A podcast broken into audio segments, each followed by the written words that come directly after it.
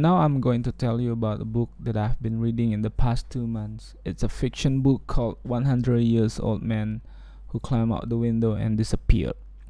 Some of you may be familiar with this book because it's actually a really famous book written by Jonas Jonasson, a journalist from Sweden.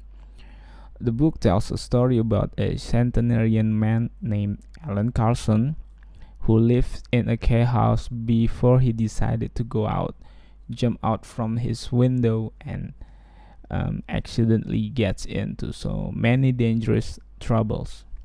It's really interesting story because some sometimes the story becomes very exciting. Um, sometimes it can be suddenly brutal in just a few words.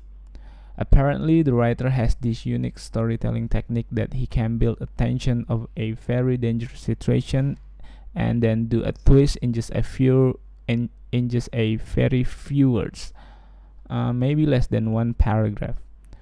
Um, I, personally, I don't think that's a lazy writing because um, it's just his style of storytelling.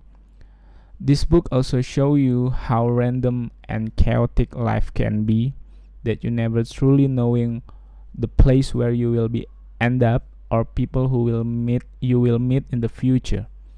The book keeps giving surprises in every chapter and spoiler alert um, also the writer put a character who chasing our Allan Karlsson along the journey to keep us flipping and flipping over the pages. I recommended this book for you who who love to travel but have no time to do it because strangely the book can project projecting a beautiful Sweden scenery Allan has been through along his journey. You can simply imagine it in the book. Personally, I love the book because the story is so fresh and I don't know it's a kind reducing my anxiety while reading it. Also, the book makes me think that so many things in life that I cannot control and sometimes um, it's just like the flower arrange themselves.